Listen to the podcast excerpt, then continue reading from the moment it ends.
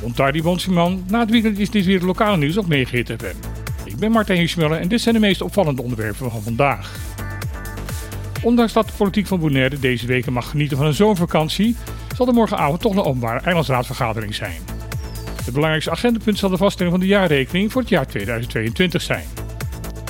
Het is wettelijk geregeld dat deze vaststelling elk jaar voor 15 juli door de Eilandsraad gedagen moet worden. De jaarrekening nog niet eerder beschikbaar was, moeten de raadsleden dus even voor vakantie terugkomen om dat alsnog te doen. Het gaat echter niet zomaar een hamerstuk worden. Want ondanks dat deze jaarrekening voor het eerst sinds de ontstaan van de OLB een goedgekeurde accountantsverklaring heeft gekregen, zijn er over één punt nog grote vragen. Het blijkt namelijk dat het OLB het budget dat bedoeld is voor de eigen organisatie met 5 miljoen heeft overschreden. Dit komt door een extra begrotingspost van ruim 7 miljoen voor een vervroegde pensioenregeling voor ambtenaren. Voor oppositieleider Clark Abraham heeft daar de nodige vraagtekens over. Deze post is namelijk niet te vinden op de oorspronkelijke begroting van het OLB en blijkt ook niet tussentijds te zijn goedgekeurd door de Eilandsraad. Volgens Abraham is het daarmee een onrechtmatige uitgave. Hij wil daarom de toenmalige verantwoordelijke gedeputeerde, Hennis Tielman, daarover aan de tand voelen. Het ziet er dus naar uit dat de vergadering morgenavond nog wel eens tot de late avonduren zal kunnen gaan duren. Er zal Bonaire vanaf oktober een nieuwe vaccinatieronde komen tegen COVID-19. Deze zal wel een stuk minder uitgebreid zijn dan de voorgaande vaccinaties tegen deze ziekte. Dit keer komen alleen mensen die 60 jaar zijn of ouder, mensen met een hoog gezondheidsrisico en zorgmedewerkers in aanmerking voor een nieuwe prik. Dit heeft de minister van Gezondheid, Welzijn en Sport en Schuiper bekendgemaakt. De belangrijkste reden om opnieuw te vaccineren is dat momenteel nog steeds mensen uit de risicogroepen ernstig ziek kunnen worden en langdurig in het ziekenhuis behandeld moeten worden.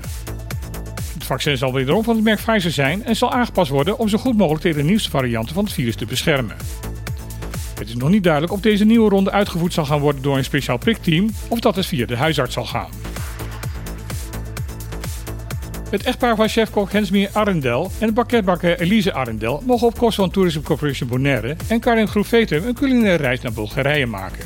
Dit is gisteren bekendgemaakt.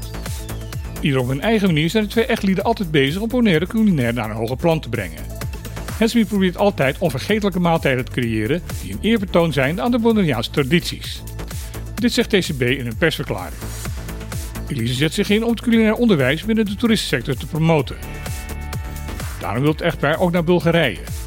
Daar is namelijk een school die betaalbare en zeer professionele op maat gemaakte leerprogramma's aanbiedt. Deze kunnen ook passend gemaakt worden voor studenten uit Bonaire. Kader van het Bonaire Tourism Scholarship Program werd het tweetal daarom een Scholarship Award uitgereikt. Dit programma is opgezet om de professionalisering binnen de toeristensector te vergroten. Hensmeer en Elise zijn de eerste die nu van deze mogelijkheid gebruik kunnen maken. De kinderopvang van Caribisch Nederland zal in tegenstelling tot eerder berichten niet bijna gratis of zelfs helemaal gratis gaan worden. Dit heeft de verantwoordelijke minister Carlos Schouten laten weten in antwoorden op haar vragen van Tweede Kamerleden over dit onderwerp. Was de eerder bedoeling van Schouten om vanaf 2025 de kinderopvang bijna gratis te maken. Nu zit de minister daar plotseling vanaf. Dit omdat het anders volgens haar onrechtvaardig zou zijn tegenover de ouders in Europees Nederland, waar de ouderbijdrage een stuk hoger is. Met deze beslissing gaat de minister in tegen een eerder advies van haar eigen ambtenaren, die er juist voor hadden gepleit deze ouderbijdrage in Caribisch Nederland heel laag of zelfs gratis te maken. Op deze manier zouden de kosten van het levensonderhoud op de drie eilanden omlaag kunnen. Echter, dit ambtelijk advies blijkt nu opeens ook aangepast te zijn.